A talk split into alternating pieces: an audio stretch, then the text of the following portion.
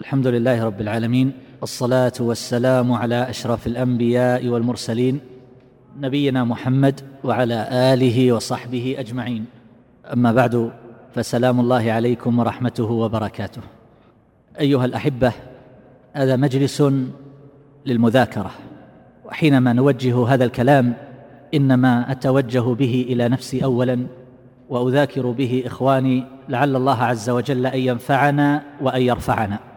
ولولا ذلك لم أتحدث عن هذا الموضوع بكلمة واحدة فأنا أول المقصرين. ولا ينبغي لأحد أن يتوهم بحال من الأحوال أن ما يذكره الإنسان في هذا المقام أنه قد حققه وتحلى به. ولولا أننا نعتقد وجوب هذه المناصحة والمذاكرة ديانة لما كان والله هذا الحديث. أيها الأحبة كلكم يعلم ما جاء في فضل العلم ومنزلته وفي منزلة العلماء وما لهم من الدرجات العالية عند الله تبارك وتعالى. وكل ذلك إنما هو محمول على العلم الذي يتحلى صاحبه بمقتضاه. وقد سمعتم قول الله تبارك وتعالى في هذه الآيات من سورة النور الله نور السماوات والأرض مثل نوره كمشكاة فيها مصباح المصباح في زجاجة. الزجاجة كأنها كوكب دري يوقد من شجرة مباركة. فهذا نور الله عز وجل في قلب المؤمن. ذاك الهدى على ما قاله طائفة من السلف رضي الله تعالى عنهم وأرضاهم. إذا استنار القلب استنار الوجه وأشرق وصح العمل واستقامت الحال وحصل لنا التميز في أحوالنا وأعمالنا وفي أمورنا كلها وترفعنا عن الرزايا والدنايا فهذا هو العلم الذي لا يهدى لعاصي. هذا الذي قال الله عز وجل في أهله شهد الله أنه لا إله إلا هو والملائكة وأولو العلم قائما بالقسط. هؤلاء الذين أشهدهم وأولئك الذين جاء الثناء عليهم إنما هم أولئك الذين يعملون بعلمهم. وأما الذين لا يعملون فقد ضرب الله عز وجل لهم أسوأ الأمثال كما سيأتي. وهكذا في قوله جل جلاله قل هل يستوي الذين يعلمون والذين لا يعلمون؟ والمراد بذلك من يعمل بعلمه وهم الذين يرفعهم الله عز وجل درجات كما قال يرفع الله الذين آمنوا منكم والذين أوتوا العلم درجات. وهكذا في قوله صلى الله عليه وسلم في الحديث من يرد الله به خيرا يفقهه في الدين. فهذا الذي أراد به خيرا وفقهه هو الذي يعمل بمقتضى هذا العلم. وأما الذي يحفظ ويتعلم ويتفقه ولكنه لا يعمل بهذا العلم فليس ذلك ممن أريد به الخير. فقد يكون علمه سببا في الجناية عليه ووبالا عليه كما ذكر ذلك الحافظ ابن القيم رحمه الله. وقرر هذا المعنى طائفة من أهل العلم كالشاطبي فاعتبر العلم وسيلة من الوسائل ليس مقصودا لنفسه من حيث النظر الشرعي وإنما هو وسيلة إلى العمل. وقرر أن كل ما ورد في فضل العلم إنما هو ثابت للعلم من جهة ما هو مكلف بالعمل به. وممن تكلم على هذا هذا المعنى أيضا من أهل العلم ابن جماعة رحمه الله.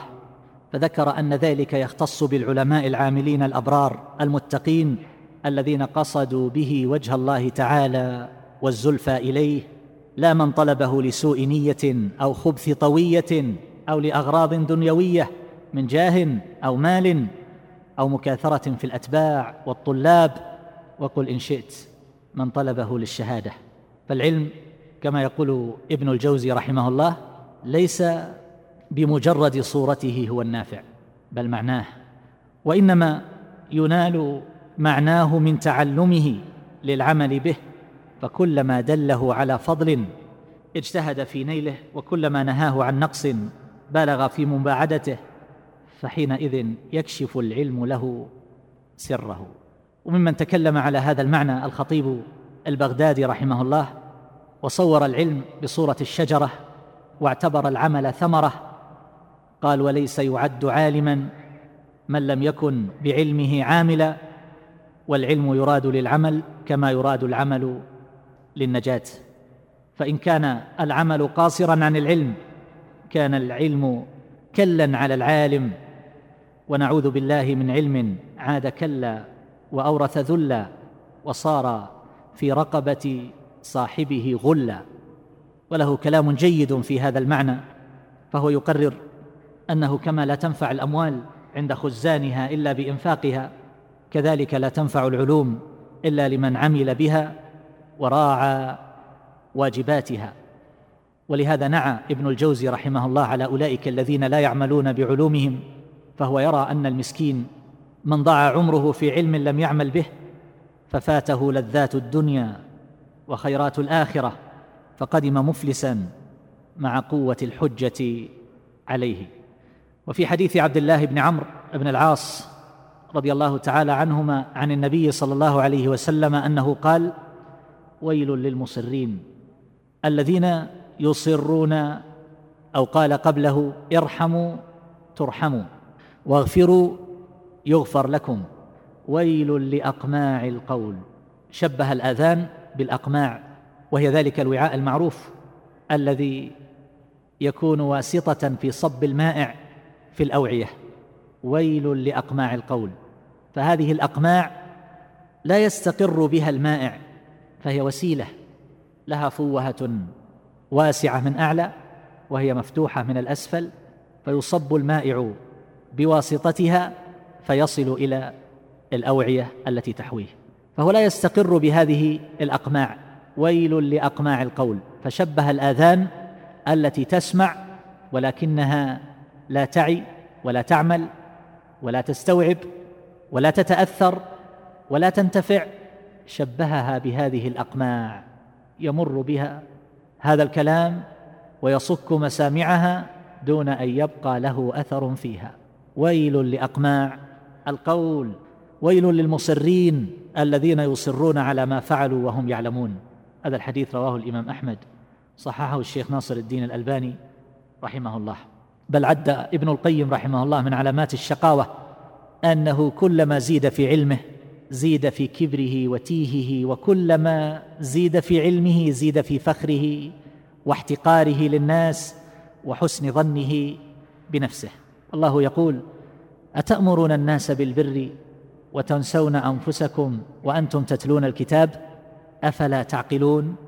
وأخبرنا عن شعيب صلى الله عليه وسلم أنه قال مخاطبا قومه وما أريد أن أخالفكم إلى ما أنهاكم عنه. إن أريد إلا الإصلاح ما استطعت وما توفيقي إلا بالله عليه توكلت وإليه أنيب. ولا يمكن لأحد أيها الأحبة أن تنجح مساعيه في الإصلاح إلا إذا كان متحققا بالصلاح فإن ما يزاوله الإنسان من أقوال وأعمال إذا كانت تخرج من لسان لم يتصل بالقلب ولم يكن لذلك من الفعال ما يصدق الأقوال فإن هذا الإنسان لا يمكن أن يجري على يديه الإصلاح وأن ينتفع به وإنما هي عبارات تقال وكلمات تسمع على المنابر أو في المحاضرات أو في غير ذلك ثم ما يلبث الناس أن يخرجوا بنفس الحال التي دخلوا فيها. ولذلك انظروا أيها الأحبة كم نسمع كم نحضر من الخطب كم يوجد في البلد من جامع. كل هؤلاء الناس ينساقون طواعية في يوم الجمعة وقد تهيأوا لذلك فيسمعون هذه الخطب. لكن ما مدى تأثير هذه الخطب في واقعهم وحالهم؟ وكم نسبة أولئك الذين يرجعون من المسجد بحال جديد وعمل جديد ووجه جديد وقلب جديد قبل ذلك؟ الله تبارك وتعالى أيها الأحبة يقول يا أيها الذين آمنوا لم تقولون ما لا تفعلون. كبر مقتا عند الله أن تقولوا ما لا تفعلون. ولما سئلت عائشة رضي الله تعالى عنها عن خلق النبي صلى الله عليه وسلم قالت للسائل وهو سعد ابن هشام أما تقرأ القرآن؟ قال بلى. قالت كان خلقه القرآن.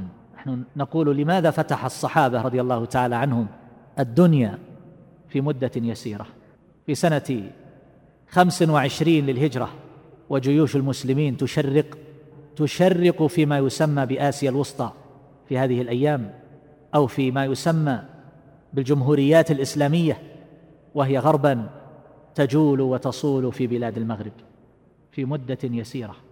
هؤلاء كانوا يحملون علما وعملا ولما جاءوا إلى أهل الشام هال الناس ما رأوا.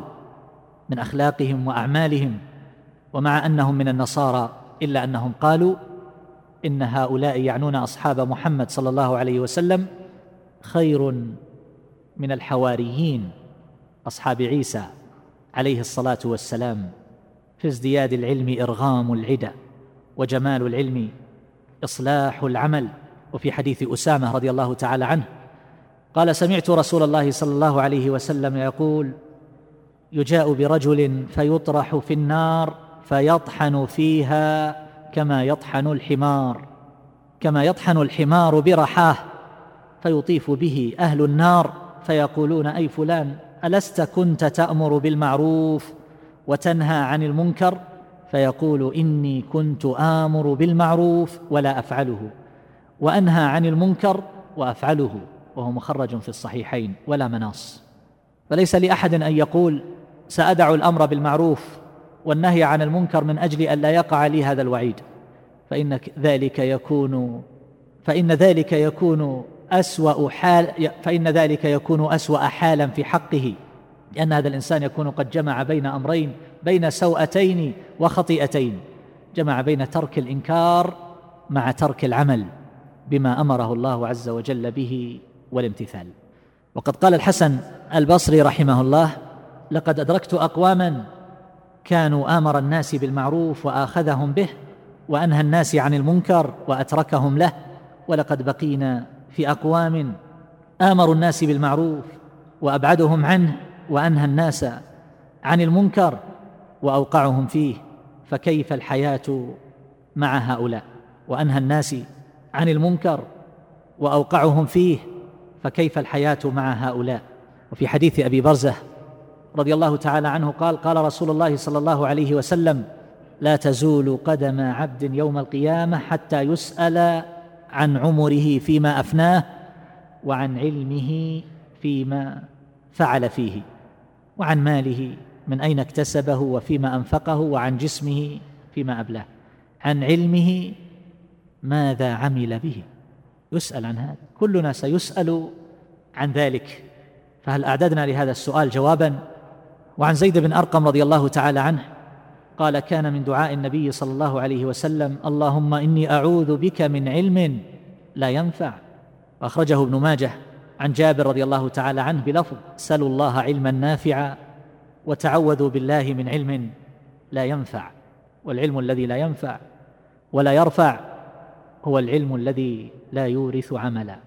يستوي فيه حال الإنسان مع حال العوام فلا ترى فيه زيادة عمل من صلاة وصيام وذكر وقراءة ومسارعة في الخيرات. هو كغيره ممن لم يتعلم ولم ينصب.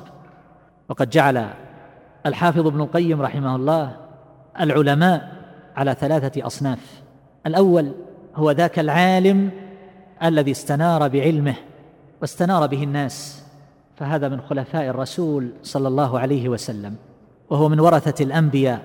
والثاني هو العالم الذي استنار بنوره ولم يستنر به غيره فهذا إن لم يفرط كان نفعه قاصرا على نفسه فبينه وبين الأول ما بينهما. والثالث هو العالم الذي لم يستنر بنوره ولا استنار به غيره فهذا علمه وبال عليه وبسطته للناس فتنة إذا ظهر لهم وارتقى المنابر. وبسطة الأول رحمة لهم. وفي حديث جندب رضي الله تعالى عنه قال قال رسول الله صلى الله عليه وسلم مثل العالم الذي يعلم الناس الخير وينسى نفسه كمثل السراج يضيء للناس ويحرق نفسه. وفي حديث أبي برزة رضي الله عنه قال قال رسول الله صلى الله عليه وسلم مثل الذي يعلم الناس الخير وينسى نفسه مثل الفتيلة تضيء على الناس وتحرق نفسها. والله عز وجل سمى يوم القيامة يوم التغابن. ومن التغابن الذي يقع فيه ما ذكره الحسن البصري رحمه الله وهو ذاك الإنسان الذي علم علما فانتفع به غيره فعمل به فدخل الجنة ولم يعمل هو بمقتضى هذا العلم فدخل النار. فذاك يوم التغابن. وفي حديث أنس رضي الله عنه مرفوعا مررت ليلة أسري بي بأقوام تقرض شفاههم بمقاريض من نار. قلت من هؤلاء يا جبريل؟ قال خطباء أمتك الذين يقولون ما لا يفعلون. رواه الإمام أحمد. ذكره الشيخ ناصر الدين الألباني رحمه الله في صحيح الترغيب والترهيب. خطباء أمتك الذين يقولون ما لا يفعلون. يا أيها الرجل المعلم غيره هل لنفسك كان ذا التعليم تصف الدواء لذي السقام الضنا كيما يصح به وأنت سقيم ابدأ بنفسك فانهها عن غيها فإذا انتهت عنه فأنت حكيم. فهناك يقبل إن وعظت ويقتدى بالقول منك وينفع التعليم. لا تنهى عن خلق وتأتي مثله عار عليك إذا فعلت. عظيم. فالوعيد الذي سمعتم في هذه الأحاديث أيها الأحبة حمل طائفة من أهل العلم على القول بأن ترك العمل بالعلم من كبائر الذنوب.